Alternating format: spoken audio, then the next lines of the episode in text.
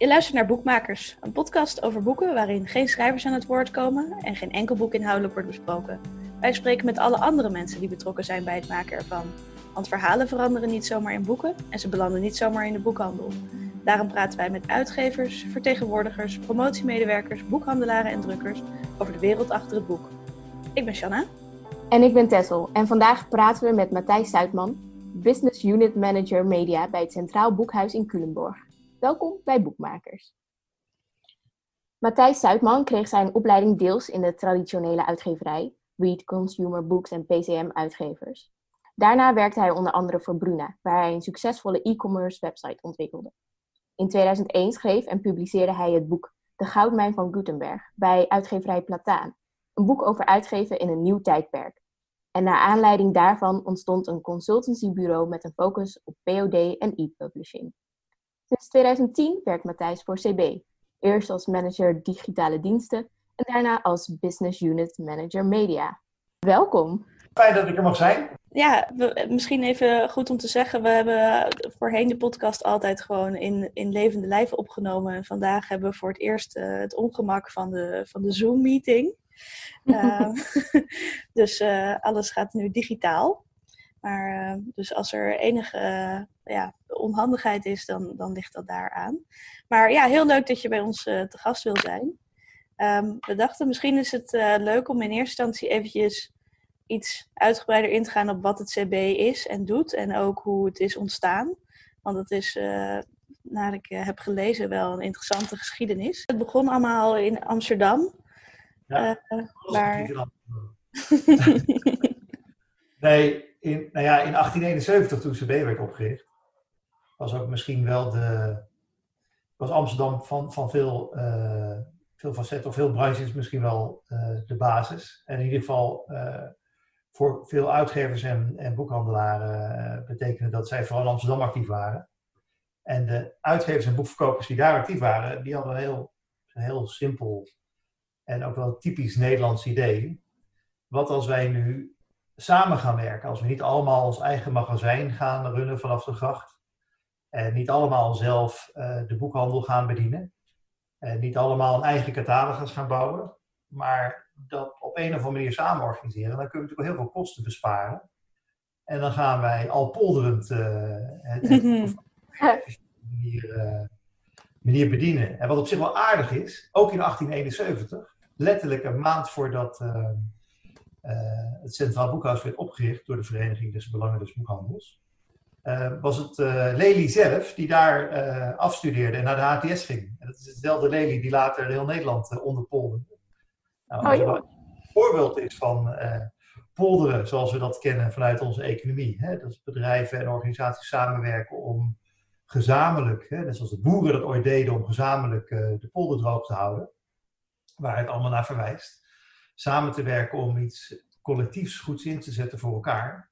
Heb je daar eigenlijk de kern te pakken van niet alleen CB, maar ook wel in enige mate de kern van hoe uh, ondernemers en organisaties in Nederland uh, samenwerken.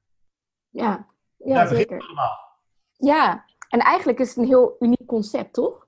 Ja, nou, in de wereld kent het wel een paar vergelijkingen. In Denemarken, DBK is ook een, een distributeur die in handen van, de, van het vak is. Dan, maar niet zo gelijk zoals wij dat in Nederland kennen. In Nederland zijn uitgeverijen en boekhandels in gelijke mate eigenaar. En je moet CB ook niet op zichzelf zien, want diezelfde vereniging was niet alleen verantwoordelijk voor het oprichten van het CB, maar ook voor CPMB. Hè, zullen jullie ongetwijfeld ook nog bespreken in jullie podcast, of mij mm -hmm. Dus uh, in dat opzicht is het goed om CB in een wat breder perspectief te zien dan pure distributeur. Maar inderdaad, als je naar het buitenland kijkt, dan kom je geen CB tegen. En dan, dan zie je ook dat een boekhandel die in Engeland uh, zijn boeken moet inkopen, zaken doet met een uitgever direct en met het distributiecentrum van die uitgever als dat nog bestaat. Of met verschillende grossiers. Dus als je daar uh, als boekhandelaar uh, aan het werk bent, dan zul je merken dat je met veel meer partijen te maken hebt om de boeken naar je boekhandel te krijgen dan in Nederland. En dat heeft natuurlijk allemaal tot doel dat je tegen zo'n laag mogelijke distributiekost zo efficiënt en snel mogelijk je boeken in de boekhandel krijgt. En je, we merken ook wel vaak als, als boekhandelaar of uitgevers naar het buitenland zijn geweest. En daar een keer hebben gesproken met een, met een, met een boekhandelaar of een uitgever. Dat ze dan wel zeggen, goh, dat cv is toch heel gaaf. En, ja, ja. Heeft, heeft die uitgever vervolgens natuurlijk op boekverkoper wel heel veel wensen dat het nog beter kan. Uh, en terecht, want wij zijn gewoon schatplichtig bij het CD. Hè. Wij voeren eigenlijk uit wat uitgevers en boekverkopers zelf bedacht hebben in 1871. Daar moeten wij als CD niet trots op zijn. Zij hebben bedacht dat als je niet concurreert op de distributie op, van het boek zelf, maar op de inhoud en uh, alles daaromheen, dat je dan heel veel kosten bespaart. En wij moeten ook zorgen dat we er ook alles uithalen um, dat we de goedkoopste en de meest efficiënte distributeur ter wereld zijn. En moeten niet onszelf op de borst slaan dat we dat zijn, want ja, dat is het al bij design, zou ik zeggen. Dus zo um, is dat in 1871 begonnen. Inderdaad, zoals jullie al zeiden, in Amsterdam. Prima basis, omdat daar een beetje het middelpunt was van uh, de Nederlandse boekindustrie. En dat is eigenlijk in Amsterdam steeds verder gegroeid. Er zijn verschillende locaties uh, zijn er ontstaan. De functie van het CB is door de jaren heen ook wel wat veranderd. In het begin heette het ook bestelhuis. En dat was het ook echt. Het was oh, meer... een vrolijke naam. bestelhuis. Ja, het Vosje, waar nu uh, het hoofdkantoor van de NRC uh, is gevestigd. Ah. Panden uh, naast Stelten. Ah. Daar, ja, dat kun je dus niet meer zien, maar er stond vroeger een pand dat heet het Vosje. En dat is het bestelhuis. En wat het bestelhuis in het begin vooral deed, is daadwerkelijk voor die boekhandels al die bestellingen samenbrengen en efficiënt bij de verschillende uitgevers onderbrengen. Toen was het nog niet meteen centrale distributie, alles op één plek, wat het nu in Culemborg is. En door de jaren heen heeft zich dat steeds verder geëvolueerd. Uh, niet alleen kwam daar inderdaad die distributie bij, uiteraard steeds meer ruimte nodig. En je kunt je voorstellen, zeker als je vandaag in Amsterdam rondrijdt, dat het niet handig is om uh, op de gracht of op het Rokin uh, je logistieke bedrijf te hebben. Dus op een gegeven moment ook naar Zwanenburg verhuisd buiten de stad. Maar uiteindelijk werd het wel zo groot en de noodzaak om breed uh, te distribueren. Amsterdam was ook niet meer het centrum van de boekindustrie. Dat uh, CB verhuisd is in 1973 naar, uh, naar Culemborg. Dus de huidige plek, dat is eigenlijk nog wel vrij recent hè, als je ons verleden van 150 jaar bekijkt. En daarmee ontstond er in 1973 ook wat meer afstand tot de aandeelhouders. Dus tot 1973 was CB ook echt een, een, een, die, onder directe controle van de KVB, hè, de vereniging. En daarna werd het een zelfstandige BV in Amsterdam, of in Culemborg. En in de kern kun je zeggen, als je vandaag naar het CB kijkt, kun je zeggen heel hoog over dat er niet heel veel veranderd is. We zijn nog steeds het middenpunt tussen de uitgeverij en de boekverkoper. We hebben geen grotere rol dan hen beide faciliteren. Die boekverkopers en die uitgevers, die bepalen feitelijk wat we voor ze doen. Um, en als je dat probeert samen te vatten, zijn er eigenlijk drie takken van sport. Dat is de warehousing, of het on-demand printen van boeken. Feitelijk voor de uitgever zorgen dat alle boeken beschikbaar zijn op één plek. De distributie, dus het vervoer en het bestelbaar maken van alle boeken om ze de volgende dag in de boekhandel te leveren. Of te bezorgen bij een eindconsument, als een webwinkel dat aan ons vraagt. Overigens, dat bezorgen doen we niet, hè. Dat, besteden we uit aan, dat, dat wordt uitbesteed aan PostNL en, en andere spelers. Maar het inpakken ervan, dat is waar ik dan op doe. En de derde tak van sport, die zie je wat minder. Maar die is, die is ook van groot belang. Dat is uh, een activiteit die wij CB-facturatie noemen. Daarin verzorgen we de facturatie namens de uitgever naar de boekverkoper. Dus niet alleen leveren wij alle exemplaren die boekverkopers bestellen, maar we zorgen er vervolgens ook voor dat als die boeken de deur uitgaan, dat er een factuur wordt gestuurd op basis van wat die uitgever aan prijs heeft bepaald voor de boekverkoper, de inkoopprijs naar die boekverkoper. En we zorgen dat die boekverkoper betaalt, dat die uitgever zijn geld uiteindelijk krijgt. En daarna sturen we een rekening voor het werk. Hè. De uitgever, nou, we hebben zoveel boeken op voorraad gehouden, we hebben zoveel ingeslagen, zoveel uitgegaan. En tegen de boekverkoper zeggen we dan, ja, we hebben zoveel naar je vervoerd. Boekverkopers betalen vooral het vervoer naar de winkels toe vanuit Culemborg. Dat verschilt ook van hoe het wordt uh, ingevoerd, toch? Dus soms uh, ja. als de uitgever het invoert, dan kan het ook zijn dat zij die vervoerskosten ja. voor de rekening Ja, bij, bij, bij, bij, het CB hebben we een enorme, uh, of niet bij het CB, maar in ons boekenvak hebben we ongelooflijk veel afspraken met elkaar verzonnen. Ja, Dio en Dut. Zogenaamde Dio en Dut afspraken. Als je ooit dit boekenvak begint, dan word je meteen om je oren geslagen. Tenminste, als je iets te maken hebt met distributie of met bestellingen, is, is die bestelling Dio of Dut. Ja. En heel, betekent inderdaad dat de uitgeverij feitelijk de bestelling invoert en dus ook betaalt voor de uitslagactiviteiten. En DUT betekent dat de boekverkoper uh, die bestelling plaatst, uh, krijgt ook tegen een vaste korting, maar daar in ruil daarvoor wel de uitslagkosten betaalt. Ja, en de, uit... dat. En de uitslagkosten zijn dan dus uh, dat, dat het boek uit het magazijn gehaald wordt en in een doos wordt gestopt met een etiket. Ja, ja. ja. wij noemen dat pick, pick en pack. Dus het pikken, de doos doen en that's it. Ja. Dat is ja. om, om, de, om het lijstje even af te maken. Mm -hmm. Dat zijn onze activiteiten op het gebied van titelinformatievoorziening. Dus in Nederland hebben we ook een bureau ISBN. Dat heb je over de hele wereld. Hè. Je zorgt ervoor dat ieder boek identificeerbaar is. En waar dat ook in andere landen een aparte onderneming is, of eigenlijk een stichting vaak, die dat faciliteert. Als je in Amerika kijkt, heb je een grote boekdistributeur Ingram. Die heeft niks te maken met uh, de ISBN-agency. Uh, maar in Nederland is dat ook samengekomen in het CB. Dus een uitgever kan heel makkelijk vanuit CB zijn titel ook voorzien van ISBN's. En dat is, ook een, dat is eigenlijk de vierde tak van sport. Niet echt een business, maar dat is een faciliteit die binnen het CB uh, geboden wordt. En in de kern is dat CB. Ja, en wij zijn een keer, uh, wij hebben allebei de redacteur-editor master gedaan aan de UvA. En toen zijn wij natuurlijk een keer op excursie geweest naar het CB. En ik dacht, misschien is het wel leuk om even, tenminste, ik denk dat wij het allebei echt een hele soort wel indrukwekkende ervaring vonden. Uh, ik vond het echt een, een Shaki en de chocoladefabriek, maar dan met boeken eigenlijk. Ik vond het heel leuk. Ja, want je denkt, het is een magazijn met boeken. Ja, hoe, hoe spannend kan het zijn? maar uh, ja, misschien moeten we ook uh, even, misschien zijn er wel filmpjes van of zo, kunnen we dan in de show notes zetten. Maar dat, dat er die enorm hoge rijen met boeken waren en dan mensen die in bakjes zo op en neer gingen om ook een beetje een soort Harry Potter vibe had ik erbij. Uh, om al die, uh, ja, dat allemaal bij al die boeken bij elkaar te rapen. Dat vond ik echt heel leuk om te zien. Ja. Maar, uh, de uitdaging voor ons daar is ook, als je dat met het buitenland vergelijkt, dan kom je iets andere magazijnen tegen, vaak minder hoog. Mm -hmm dat komt omdat wij bij het CB de complete voorraad van de uitgeverij beheren.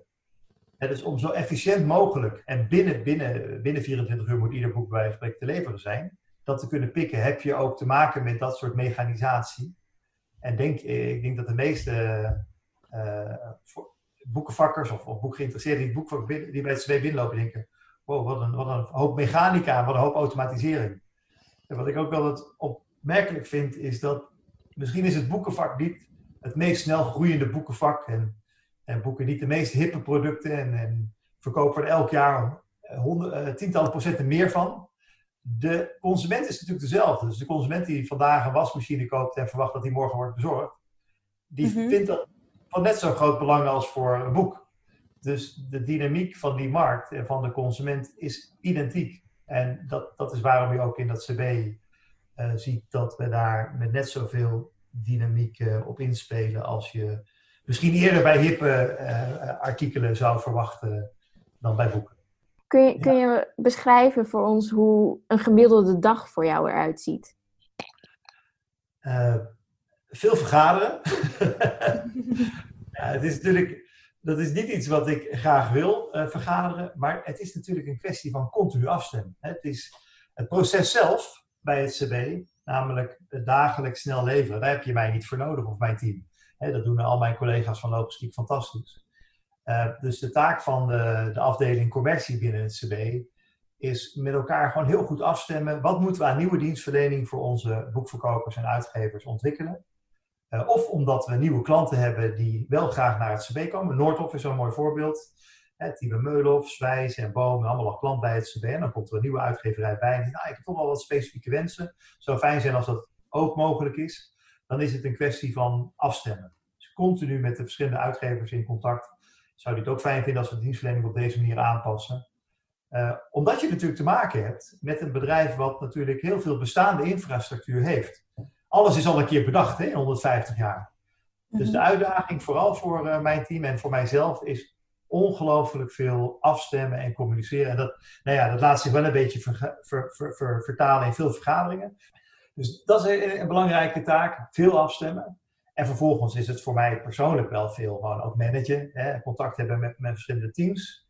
Uh, goed controleren of alles wat wij gepland hebben wel, wel zijn doelen haalt. Ook de volumes die dalen of, of, of, of, toenemen. Nou, zo'n corona is echt wel even heel spannend. Want op het moment dat volumes wegvallen, heeft een enorme impact op ons bedrijf. Hè. Wat dat betreft, net zoals bij een NS, als er ook maar iets misgaat of iets verandert in het proces, dan moet je bijsturen. Dus dan moet ik vooral met mijn logistieke collega's en IT-collega's kijken wat we kunnen oplossen.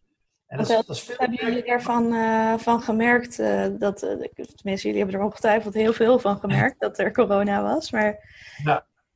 Nou, dat is wel een heel mooi voorbeeld. Hè? Dan word je geconfronteerd met het feit dat winkels van de ene op de andere dag volledig terecht een winkel sluiten, omdat zij ook even niet weten hoe ze verder moeten. Mm -hmm. nou, dat, dan is, wat er dan gebeurt, is dat winkel, er zijn winkels die doen gewoon een deur dicht en die vergeten het cb te bellen. Maar ja, de orders die dan uitgeleverd, die, die nog in de bestelling stonden, ja, die worden wel uitgeleverd. Dus de, nou, dan krijg je een telefoontje. Er zijn heel veel vrachtwagens die voor dichte deuren staan. Wat moeten we doen? Nou ja, alles weer terugnemen.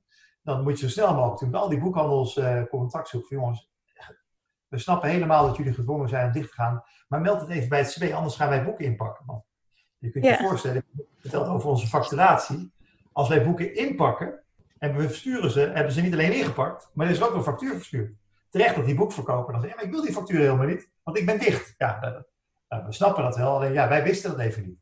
Nou, dan, dan moet je als een gek uh, nou, mensen, collega's van IT vragen en van finance om oplossingen te voorzien, verzinnen. Nou, wat er ook gebeurde in die periode, op een gegeven moment heb je dat dan weer onder controle. En boekhandels zijn zich wel degelijk natuurlijk bewust dat ze het CB dan even bellen. Mm -hmm. Maar dan blijven ook alle orders openstaan. Nou, je kunt je voorstellen dat in zo'n coronacrisis, dat er dan uh, zoveel weken overheen gaan, dat, je, dat maar de vraag is of alle orders die jij besteld had bij die uitgeverij van tevoren, of je die nog wil hebben. Maar je kunt ja. je iets voorstellen als je zomaar weer open gaat, zonder iets aan te geven, ja, dat, dat systemen zeggen, oké, okay, nou gaan we verder met pikken. Dan krijg je al die boeken uitgeleverd waarvan je nu denkt, na corona, ja, maar die, die wil ik eigenlijk niet meer.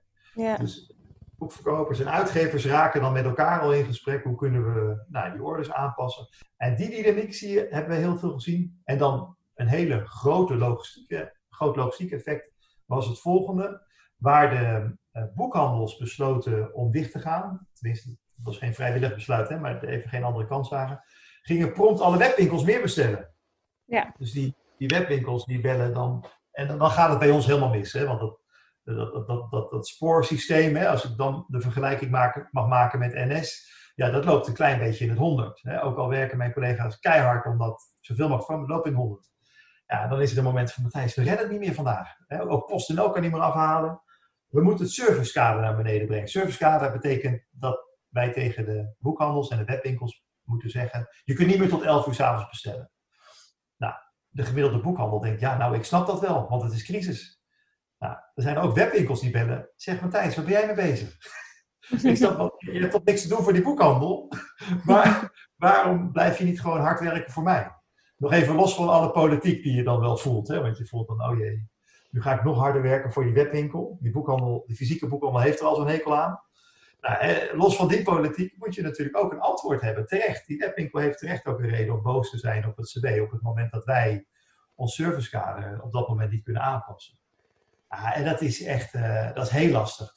Nou ja, mijn logistieke collega's, ja, die zijn zo gedreven om alles mogelijk te maken. Dus die ontdekken natuurlijk op dag één, er is iets mis, dus we moeten even ingrijpen. Maar drie dagen later hebben ze de oplossing al gevonden. We hebben nog meer mensen aangenomen. In ons geval, uh, voor logistiek, voor de collega's die op kantoor werken, betekent het onmiddellijk. Iedereen die zijn werk kan stilleggen, die gaat onmiddellijk de logistiek in. Dus ik heb ook iedere, voor mij was het overdag wat lastig. Maar ik werk op dit moment iedere maandagavond. Werk ik zelf mee van half vijf tot uh, één uur uh, in de logistiek om uh, boeken in te pakken. in dit geval voor, de, voor cadeauverpakkingen bijvoorbeeld. dus als mensen klachten hebben over niet goed ingepakt cadeautje nemen, dat ja. kan ik nu in mijn familie kan met heel veel enthousiasme komende kerst en Sinterklaas tegemoet zien. maar dat geldt voor al mijn collega's.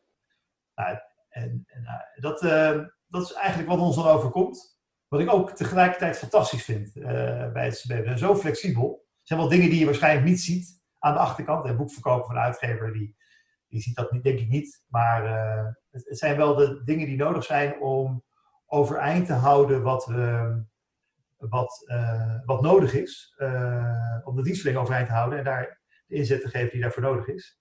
En de laatste grote verandering, dat vond ik zelf de meest complexe, meest moeilijke, waar ook heel veel boekhandels terecht ook wel boos over of teleurgesteld over zijn. Um, op een gegeven moment zijn, al die boekhandels, zijn veel boekhandels dicht.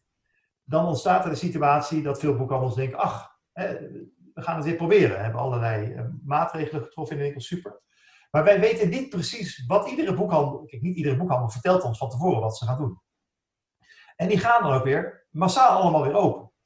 Dus nou ja, wij hebben onze vrachtwagenchauffeurs, al onze chauffeurs hebben we ook ingezet, hè, met wat ik net beschreef over kantoorpersoneel. Ook onze vrachtwagenchauffeurs, we helpen tegenwoordig in de logistiek. En van de een op de andere dag uh, moeten we in één keer weer meer gaan leveren aan de, aan de boekhandels. Nou, dat, dat gaat dan mis. Dus de eerste dag dat ons dat overkomt, uh, zijn er boekhandels die, die die krijgen dan de melding aan het begin van de dag. Uw pakje wordt vanavond om 8 uur geleverd. Natuurlijk gaan we niet s'avonds om 8 uur de levering aan de boekhandel doen. En proberen we het overdag op te lossen. Maar eh, ons plansysteem registreert natuurlijk dat wel op basis van die nieuwe intake van uh, orders die we moeten gaan uitleveren aan de boekhandel. Nou ja, en dan krijg je een hele lastige situatie. Dan trommelen we weer collega's op met een auto, met een leaseauto van de zaak. Wil jij uh, nou, naar Leeuwarden rijden en Zwolle en nog een paar heel pragmatisch. En uh, ja, met heel veel uh, hand- en voetenwerk proberen we dat dan te realiseren. Ja, daar kun je natuurlijk niet iedere boekhandel blij mee maken. Dus er zijn er ook boekhandels die, ja, die, vinden, die vinden het heel moeilijk om dan van CB te horen dat wij ook uh, niet alles kunnen goedmaken wat door die coronacrisis ontstaat. En dat is ook wel iets heel bijzonders aan het CB. Ik, ik ben er apen trots op dat boekhandels boos zijn op CB. Want dan hebben ze blijkbaar het idee dat wij uh, kunnen ja, kunnen toveren, in zekere zin. Dat we veel kunnen realiseren. Maar het is wel moeilijk, want het, is soms wel lastig. Want collega's van mij op commercie, die krijgen dat ook echt te horen. Het is slecht of je doet het verkeerd. Ja, dat is wel, en dan, nou, dat is die politieke eigenschap die je dan moet hebben om gewoon, oké, nou die andere wang maar weer. En ondertussen hard door blijven gaan. Want ja, uiteindelijk heeft die boekhandel helemaal gelijk. Wij zijn zijn shared service center. Dus we hebben eigenlijk, ja, we kunnen wel over onze eigen problemen gaan praten, maar daar heeft hij niks aan. Dus uh, dat zijn, ik denk dat dat de grootste ongemakken zijn geweest die we afgelopen periode ervaren door corona. En dit is dan corona, maar de transitie van het boekenvak waar we in zitten. E-books die op een gegeven moment eh, natuurlijk hun uh, marktintrede hebben gezien. Waar enorme verwachting van uitging dat er enorm verwoestend effect zou hebben op de fysieke boekverkoop. Nou, moet CB ook inspelen. Nou, dan blijkt dat toch weer anders te zijn. Dus misschien wat minder abrupt dan corona, is het spel van hoe speel ik continu in op marktveranderingen wel heel erg uh, aanwezig. Uh, op dit moment speelt er ook een andere grote ontwikkeling in ons boekenvak. Uh, meer concentratie van verschillende boekverkopers, die nu allemaal in een nieuw concern terecht zijn gekomen. nou, dat concern is natuurlijk ook aan het nadenken, hoe kan ik dat voor mezelf beter inrichten en misschien ook wat meer voordeel naar mezelf toetrekken. Volledig begrijpelijk. Alleen ja, dan is het voor het CB weer de vraag, oh jee, daar gaat er wat veranderen. Nou, als ja, die volumes het, gaat over, ja. het gaat over Audax, toch? Denk ik. Ja, ja, en RDC die samen zijn gegaan en een eigen distributiecentrum zijn begonnen. Ja. ja, en ze hebben een eigen distributiecentrum voor tijdschriften. Dus nou ja, die kunnen dat ook heel goed gebruiken voor boeken. En ik snap ook helemaal dat zij zeggen, hey, ik ga wat meer zelf doen. Alleen ja, daar moet CB natuurlijk uh, ook weer op inspelen. Van nou oké, okay, als zij meer zelf gaan doen, moeten wij dan misschien nog meer boeken uit het buitenland halen om in het CB neer te leggen. Nou, ik zal je een mooi voorbeeld geven. Ik besprak dat een week of drie geleden met een grote, uh, concern, grote uitgeverij. Die noemen wij concernuitgevers. Uh, en net zei ik zo, en, wij zien wel kansen om de buitenlandse uitgevers beter te bedienen. En dan is dat, ja maar Matthijs, dat wil ik eigenlijk helemaal niet. Want wij zijn een uitgever die ook heel veel waardevolle boeken in het Nederlands vertaalt. En als jij Engelstalige boeken, bij wijze van spreken, nog beter beschikbaar gaat maken in Nederland, ja, dan rij je hem eigenlijk in de wielen. Nou, in dit geval gaat het om educatieve en wetenschappelijke boeken. Dus helemaal niet aan de orde. Maar je ziet meteen weer hè, die, die, situatie waarbij je in het midden uh, creatieve oplossingen moet zoeken. En dat die oplossingen uh, misschien de oplossing voor een een zijn, maar weer een probleem voor een andere vorm. Dus uh, ik zeg wel eens aan het eind van de dag, als ik echt even een trieste dag heb bij het CV, zeg ja, ik heb vandaag de boekhandel blij gemaakt, maar er is een uitgever boos. Er is nooit iemand, er is nooit, er is nooit een algemene staat van blijheid. of tevredenheid. Sorry, niemand hoeft blij te zijn met CB, maar tevredenheid. ja, waarom ja. zouden mensen niet blij hoeven zijn? Je, dat is toch... Nou ja, ik, kijk. ehm, nou ja, dat, dat- nou, omdat CB gewoon moet doen wat, wat, wat, ze zelf bedacht hebben. Nogmaals, dan kom ik even terug op dat punt van 1871. Ik geloof niet dat er nog maar iemand leeft of eigenaar is van de boekhandel die er ooit in 1871 bij was. Maar het zijn de boekverkopers en uitgevers die dit bedacht hebben. En die hebben gewoon gezegd tegen hey, chef boeken, bij wijze van spreken, mijn voorgangers en, en alle anderen. Doe maar gewoon wat van je gevraagd wordt. That's it. Dus ik, ik vind ook in de kern dat onze klanten niet blij met ons moeten zijn, maar tevreden. Eh, maar ik realiseer me tegelijkertijd ook dat je nooit iedereen tevreden kan maken in een branche zoals de onze. Op het moment dat de ene klant zegt, nou ik zou graag de dienstverlening van het CB wat meer naar links hebben. Ja, dan zeggen al die andere boekverkopers die ook, of uitgevers die afhankelijk zijn van hetzelfde bedrijf. Ja, wacht even, ik wil toch wel wat meer dat het in het midden of rechts zit. Nou ja, en dat, dus het is ook volstrekt logisch. Het zou ook raar zijn als alle klanten blij zijn met CB. Dan is er iets mis. Dan hebben denk ik veel minder klanten. dan hebben we een hele specifieke groep klanten waar we ons alleen maar op hoeven te richten. Dus eh, het is geen doel op zich. Uh, maar die, die, nou, ik denk dat dat wel een beetje beschrijft de dynamiek uh, die zich ook laat vertalen in mijn, mijn werkdag. En de, de, de, leukste momenten zijn natuurlijk wel, vandaag ook een grote tender aan het afronden voor een hele grote internationale educatieve uitgever die distributie in Europa zoekt. Echt een ongelooflijk groot volume.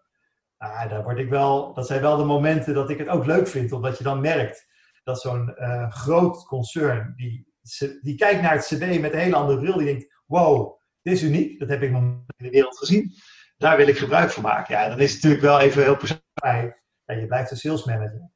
Is het wel leuk dat iemand die waardering ook zo voor je uitspreekt en, en, en voor het CB wil kiezen.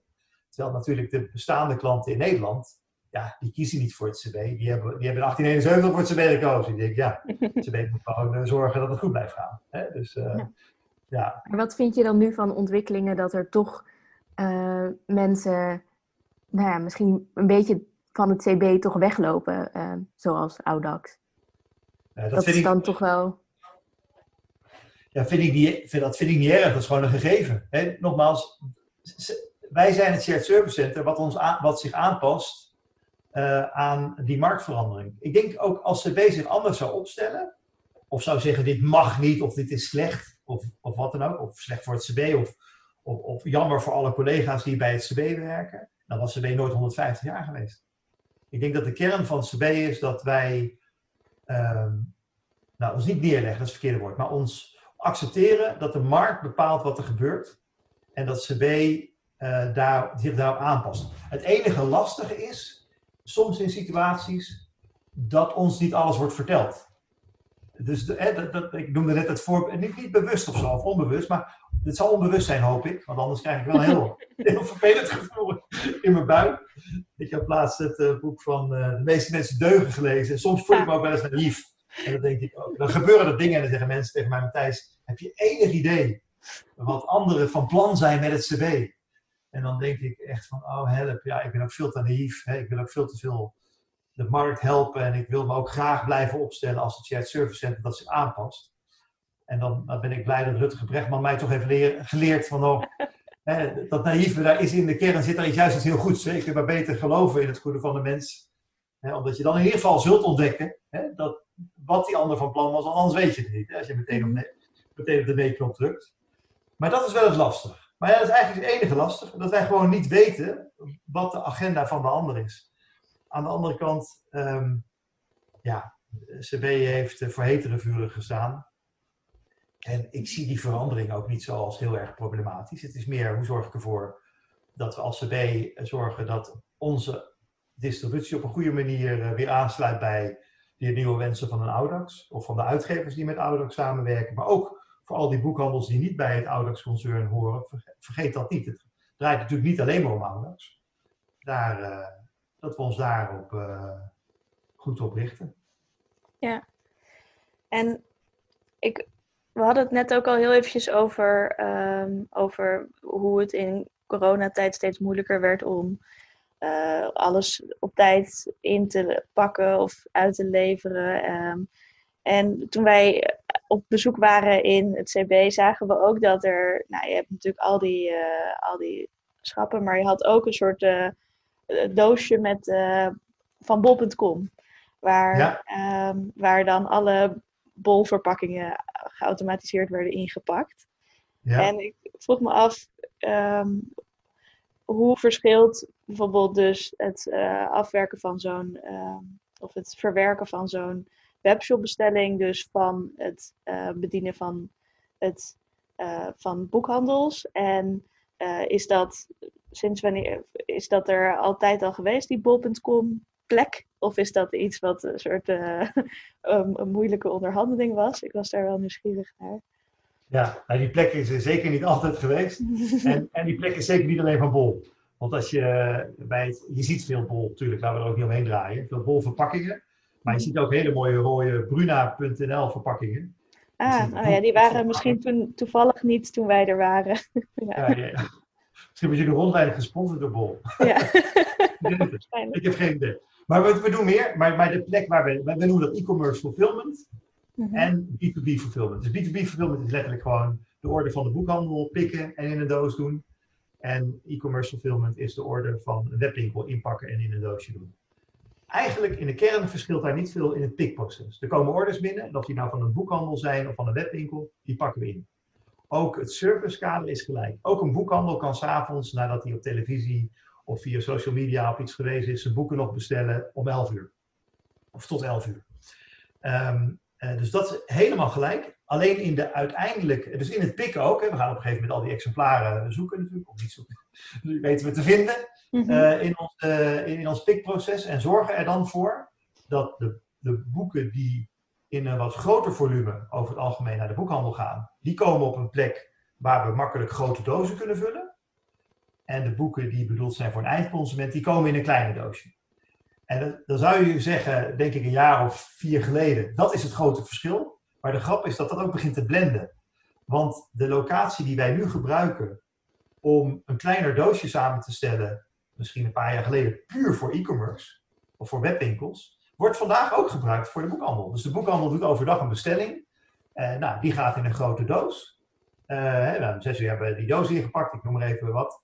En die doos die gaat naar wat wij noemen de groupagesorten. Dat is de plek waar we de vrachtwagenlijnen aan het voorbereiden zijn. En dan bestelt diezelfde boekhandel s'avonds om 10 uur of om 8 uur nog vier exemplaren extra. Dan gebruiken we natuurlijk datzelfde efficiënte doosje als we gebruiken voor een webwinkel.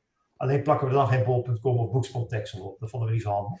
En komt gewoon een neutrale deksel op. Dus die, we hebben de dienstverlening heel universeel ingericht. Het voordeel daarvan is, eh, misschien dat je daar in je vraag ook wel een beetje aan refereerde. Hoe ging dat in het begin? Ging dat zomaar? Zou dat niet tot heel veel conflicten hebben geleid? Ja, nou in het begin volgens mij niet eens zozeer omdat volgens mij de meeste boekverkopers niet door hadden hoe, hoe impactvol het online boekhandelen zou worden. Eh, ook Bruna en Libris hadden al vrij snel een webwinkel hoor, dus dat was echt niet alleen maar bol. Alleen door de jaren heen zijn veel boekhandels natuurlijk wel wat teleurgesteld. Ehm, dan zeggen ze, ik ben teleurgesteld in het CB dat dat heeft toegestaan. Nou ja, het CB, ik hoop dat ik dat wel duidelijk heb, maar het CB bepaalt dat helemaal niet. Het bepaalt, bepaalt het boekenvak of, of een partij als bol.com gebruik mag maken van het CB, niet wij zelf. Ehm, dat, dat Bol die positie heeft ingebouwd. Maar ik, heeft gekregen. Maar ik ben wel van mening dat de boekverkopers daar ook iets heel waardevols voor hebben teruggekregen. Ehm, omdat ik ook geloof, en dat doe ik echt niet om, goed om, om hen het gevoel te geven dat ze blij moeten zijn met, met webwinkels, helemaal niet.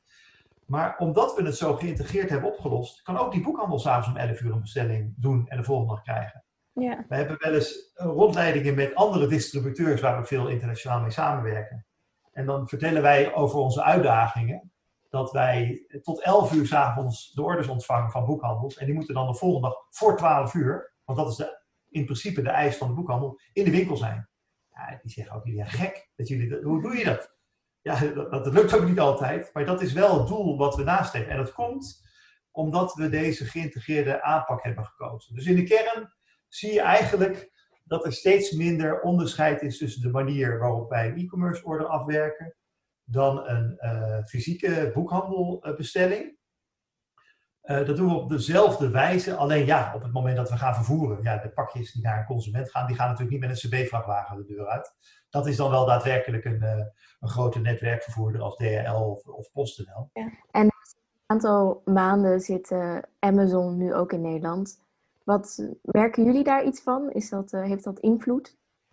Nou, dat is wel grappig dat je zegt aantal maanden. Want dat, Amazon zit al voor het CB bezien al sinds 2012 in Nederland. Want Amazon bestaat, bestelt al sinds 2012 op dezelfde manier zoals dat vandaag doet, ook exemplaren bij het CB. Maar het principe hè, dat Amazon bij het CB kan bestellen, net zoals als wie dan ook bij het CB mag bestellen, ehm, dat, dat, was, dat, dat is er, dat was er. Dat, dat bepaalt ook dat bol.com destijds natuurlijk ook bij het CB kon bestellen. En daar, eh, een groot verschil met bol.com trouwens en, en andere webwinkels bij, in, bij het CB, is dat Amazon helemaal geen e-commerce fulfillment bij, bij het CB doet. Amazon bestelt net zoals Van der Velde of Broeze boeken, die brengt ze naar een eigen magazijn en daar doet ze haar, eigen ding. Ja. Hm. Ik denk dat we misschien ehm, wel even over kunnen gaan naar ons, uh, naar ons rubriekje. Tenzij jij nog een uh, prangende vraag had, Tessel. op het moment niet. Oké.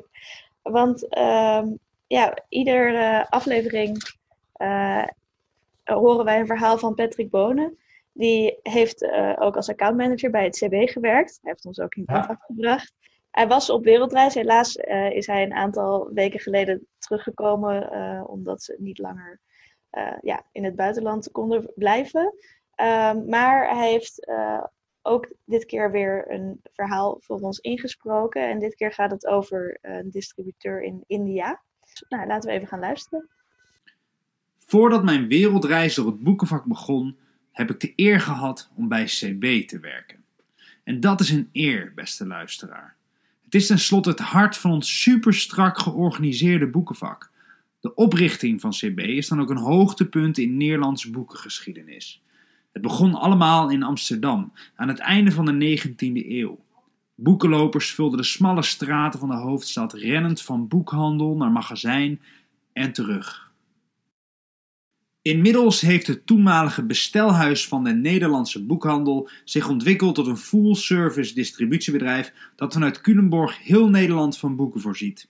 De ontwikkelingen waar CB in 150 jaar ondernemerschap mee te maken heeft gehad, hebben gezorgd voor een industrieel pareltje waar iedereen van profiteert. Maar wat als je vandaag de dag zou beginnen met een nieuw CB? En niet voor de 17 miljoen Nederlanders, maar voor 1,3 miljard landgenoten. Waar begin je dan? Nou, volgens Ashwini Jakar begint dat in je broekzak. In 2018 was ik de gast bij Prozo, een start-up die vanuit metropool Delhi de Indiase boekenindustrie centraliseert. Ik word ontvangen door de oprichter zelf, die me na een korte rondleiding door zijn verrassend kleine warenhuis voor een scherm zet. Eerst even wat statistieken. De markt in India heeft een waarde van 2 miljard dollar. Een boek kost gemiddeld 3 dollar, dus er worden zo'n 660 miljoen boeken verkocht. Maar niet in één taal. India kent 24 officiële talen, 1655 dialecten en reizen van noord naar zuid kost je 4 dagen en 4 nachten. Ashwini legt uit hoe distributie bij hen is ingericht. Alle uitgevers hebben een eigen magazijn waar ze zelf boeken kunnen versturen naar winkels. Maar boekhandels hebben vaak betere contacten bij een local reseller die bij voldoende voorraad sneller kan leveren. Deze local resellers bestellen bij een regional distributor die op zijn beurt weer bij een national distributor bestelt. De national distributor doet direct zaken met de uitgeverij. Nou ja, als je dat hoort, dan klinkt bestellen via CB Online plotseling wel heel simpel. Maar wat doet Prozo dan anders? Geografisch hebben wij de beste dekking en kunnen we het snelst leveren van iedereen, vertelt Ashwini. Ja, ik vraag me toch af hoe dat kleine magazijntje waar ik net doorheen ben gelopen het gigantische India kan bedienen. Maar het antwoord erop is simpel. Het gebruikt de nieuwste technologie. Hier is geen 150 jaar geschiedenis voor afgegaan aan de technologische ontwikkelingen. Prozo is de technologische ontwikkeling. De innovatie bij Prozo zit hem in onze aanpak, legt hij uit. Wij zijn een schakel die tot nu toe nog niet bestond in India. We hebben drie apps ontwikkeld de app die de klant gebruikt, die noemen we Books. En daarnaast hebben we de Books Admin app, waarmee wij toegang hebben tot de achterkant van de applicatie. En we hebben een app die we in ons eigen magazijn gebruiken. Alle ISBN's die eruit gaan worden gescand en alles zonder ISBN krijgt een unieke code. Ook de jongens van het magazijn gebruiken daarvoor een smartphone.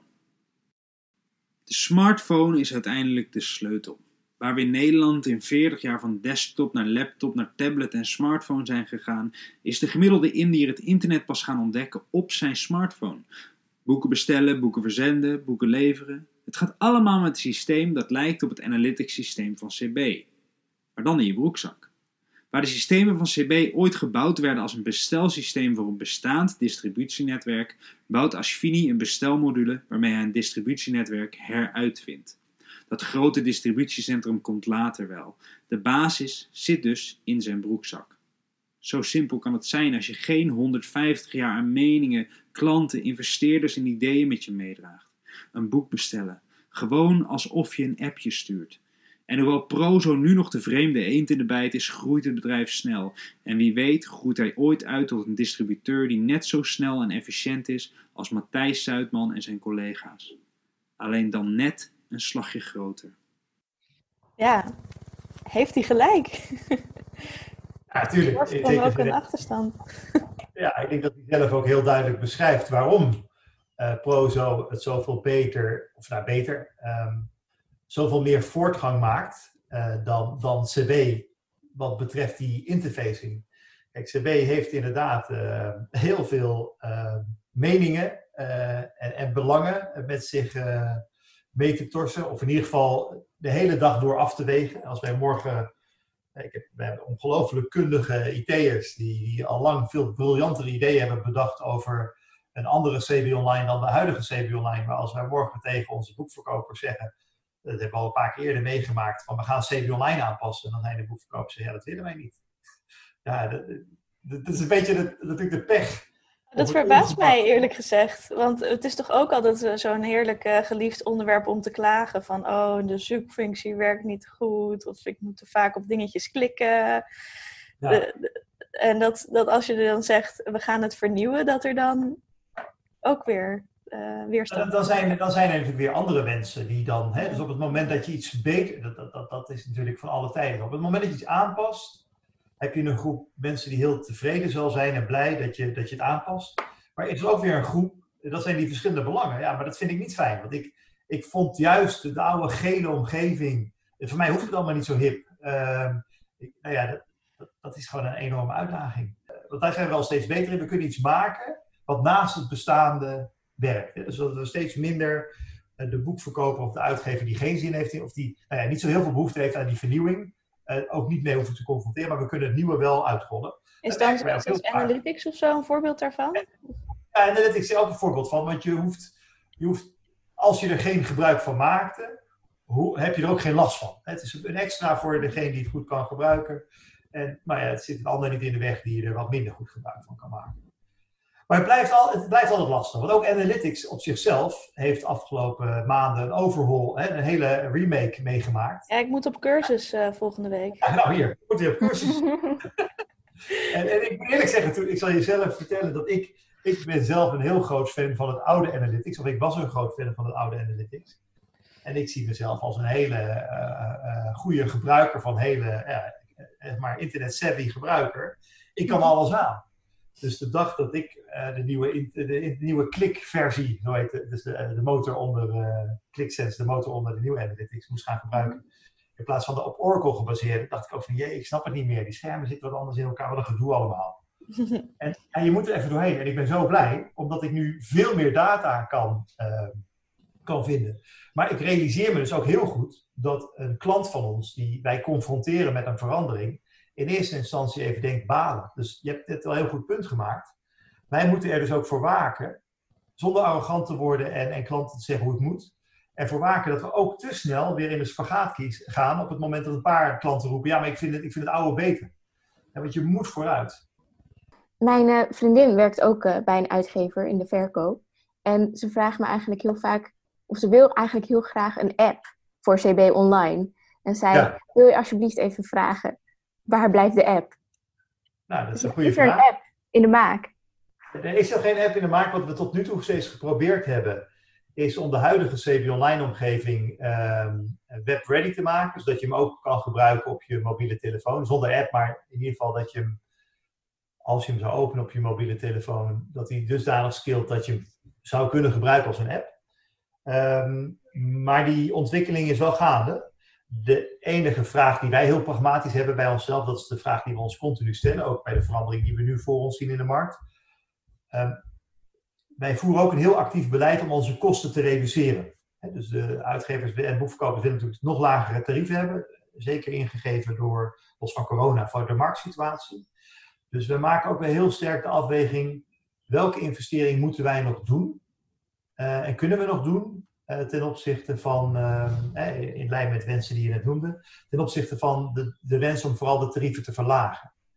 Dus het is wel een groot spanningsveld. Dus ik kijk, ik moet eerlijk zeggen dat op dit moment ben ik misschien wel de grootste, de grootste belemmering voor de wens van jouw vriendin. Is dat ik wel heel serieus en heel actief stuur op kostenbesparingen binnen het CB. Dat doe ik hopelijk voor een, uh, voor een andere collega van jouw vriendin. misschien de financieel directeur die zegt die tarieven van het CB die moeten nog lager. Uh, maar dat is wel spannend. Dat is heel spannend. Dus ja, ik kan gewoon niet alles meer. Of we kunnen als CB niet zomaar alles meer. Uh, maar goed, de wensen staan wel degelijk bij ons op de triefkaart. En elke dag krijg ik ook kritische opmerkingen van onze eigen IT'ers die zeggen: Matthijs, dit kan beter, daar moeten we wat mee. Alleen ik moet ook heel voorzichtig zijn we kunnen niet ongelooflijk veel IT-geld verbranden. We moeten keuzes maken. Dat is begrijpelijk. Het spanningsveld blijft natuurlijk. Ja, snap ik. Ja. ja. Misschien dan nog een laatste vraag, uh, ook uh, richting de toekomst. Uh, want in 2021, als ik het goed heb, komt er een nieuw bakkenmagazijn, toch? Die wordt op dit moment ja. gebouwd. dus dat betekent denk ik dat jullie wel gewoon nog veel vertrouwen hebben in de toekomst. Want het magazijn is ook groter, als ik het goed het magazijn is, is, niet zo, is, is groter natuurlijk, we hebben meer ruimte. Maar het allerbelangrijkste aan het bakkenmagazijn is dat het inspeelt op een, op een onvermijdelijke ontwikkeling van ons boekenvak. Dat steeds meer uitgevers kleinere oplages van hun boek uitgeven. Eh, dus wil CB überhaupt in staat zijn om nog op de manier zoals we dat nu doen, binnen 24 uur, alles te kunnen leveren, moeten we een ander type uh, magazijn creëren. En dat is het bakkenmagazijn. Dus wat we daar als winst realiseren is dat wanneer uitgeverijen hun uh, boeken inslaan bij het CB, dat die nog sneller in de voorraad zitten, vooral als de aantallen kleiner zijn, want er zit nu wel eens een spanning op. En dat veel meer van de 115, 120.000 verschillend leverbare boeken ook daadwerkelijk s'avonds om 11 uur nog te pikken zijn. Dus dat is waar het bakkenmagazijn vooral op inspeelt. En die investering in dit bakkenmagazijn houdt precies verband met de vraag van net: van ja, daar, daar heb je zoveel geld voor nodig. Dat geld is er niet. Hè? Dat moet je lenen bij de bank als CB zijn. En uh, ja, dan moet je ook keuzes maken dat je zolang je dat geld uitgeeft om dat bakkenmagazijn te bouwen, dat je even je hand op de knip houdt voor andere activiteiten. Maar als het bakkenmagazijn er staat, hebben we een hele grote kans als CB om op onze arbeidskosten te besparen. Omdat we niet alleen naar de toekomst toe beter in staat zijn om te pikken en te pekken. Hè, de, de, de inpakken en het tikken van exemplaren. Maar dat we ook met nog meer mechanica dat kunnen doen. Dus jij, jij noemde in het begin eventjes die dames en heren die in wagentjes op en neer gaan door die gangen. Nou, het nieuwe bakkenmagazijn doet dat anders. Die, in die gangen gaan automatische shuttles heen en weer. Bakken die naar de, en, en helemaal aan het begin staan er dan allemaal medewerkers. Waarschijnlijk iets minder medewerkers op dat moment. Die die bakken gaan vullen. Die uiteindelijk eh, zorgen dat er een boek in een doos komt van een webwinkel van een boekhandel. Dus dat is een grote verandering. Dus uh, we hopen dat uh, als we 150 jaar feestje vieren vorig jaar, volgend jaar, dat we dat mooi samen kunnen laten gaan met het openen van het uh, bakkenmagazijn. Want is één belangrijke, en dat is een super positieve ontwikkeling voor ons boekenvak, die hier ook verband mee houdt, is dat je ziet dat ondanks het feit dat het boekenvak op zichzelf in volume niet verschrikkelijk groeit, is dat het aantal titels gewoon elke dag toeneemt. Dus het, het belemmert de auteur, de uitgever, maar ook de lezer niet om heel breed uh, te publiceren en ook heel breed geïnteresseerd te kopen. De enige uitdaging is, ja, het zijn steeds uh, meer boeken in lagere hoeveelheden. Dus wat dat betreft ja. staat het boekenmagazijn of het bakkenmagazijn van het SB ook wel iets, voor iets heel hoopvols in het boekenvak. Alleen ja, we moeten alleen een andere manier vinden om het zo efficiënt mogelijk uh, bij de klant te krijgen. Ja. Nou, dan, dan kunnen we misschien uh, overgaan op ons, uh, ons tweede en laatste rubriekje. Uh, namelijk ehm, ons rubriekje over het boekenbal. Ik ben daar nog nooit geweest. maar toch is het een, ja, het is wel een groot evenement altijd. Nou ja, ik hoop dat het komend jaar door kan gaan. Um, waarbij dus iedereen uit het boekenvak samenkomt bij de start van de Boekenweek. En zolang ik nog niet daar ben geweest, probeer ik nu te putten uit de ervaring van anderen, zodat ik misschien alvast wat kan leren, zodat ik heel goed voorbereid op het boekenbal kan verschijnen, mocht het moment ooit daar zijn. Uh, dus daarom is altijd mijn vraag: wat is jouw leukste of memorabele herinnering aan het boekenbal? Ik ben de meest saaie boeken, boekenbalganger die er maar is, denk ik. Uh, mijn moment zit hem eigenlijk altijd vrij snel direct naar het programma. Of voorafgaand aan het programma, etentje met klanten. Dat wij gewoon met een aantal klanten uh, heel leuk contact hebben. Maar het feesten op zichzelf, hè, waar je natuurlijk een beetje naar uitkijkt met het boekenbal, ja, dat, dat maak ik eigenlijk vrij weinig mee. Dus ja, daar kan ik niet heel erg stoer over verhalen. Waar ik zelf persoonlijk wel heel erg van genoten heb, dat is Boekenbal 2014, als ik het goed heb. Dat is, was een heel spannend moment, omdat dat uh, gepaard ging met het faillissement van Polaren. Dus vlak daarvoor ging Polaren failliet. En aan het begin van de Boekenweek ging Polaren weer open. Of gingen, sorry, de winkels natuurlijk, die voorheen Polaren heten, gingen weer open. En de eerste was uh, Vampier in Eindhoven. En wat ik erg leuk heb gevonden, is dat de vrijdag naar dat boekenbal toe, waren wij de hele dag druk bezig om vampieren, die op dat moment nog niet eens een nieuwe aansluiting bij het CD had, op een unieke manier, want er waren geen orders, er moest iets geregeld worden, uh, weer te vullen. Op die vrachtwagen op zaterdagmorgen uh, in Eindhoven te hebben staan. En ik kan me nog herinneren dat ik dat allemaal met collega's goed heb weten te regelen. En dat ik echt met een heel goed gevoel op het boekenbal liep. Om vervolgens om drie uur s'nachts in één keer door te rijden naar Eindhoven. En s ochtends om zes uur ook, uh, dus daar vandaar ook niet kunnen drinken. Uh, ook uh, heb kunnen meemaken hoe de zending bij Vampieren aankwam en Vampieren die dag weer open kon. Ik denk dat dat uiteindelijk wel een, een, mooie anekdote is om te duiden hoe een CB'er naar het boek kijkt. Wel heel functioneel. ja. Ik denk dat we daarmee misschien maar moeten afsluiten. Oké. Okay. Um, dit was uh, alweer de vijfde aflevering van Boekmakers. Um, Matthijs bedankt en natuurlijk ook Patrick bedankt. Wil je meer van Patrick's verhalen lezen? Kijk dan op inkt.nl met een C. Of beluister een eerdere aflevering van Boekmakers. Volg ons op Instagram, Boekmakers, en laat natuurlijk een review achter op iTunes. Dat helpt ons om door anderen gevonden te worden. Doeg!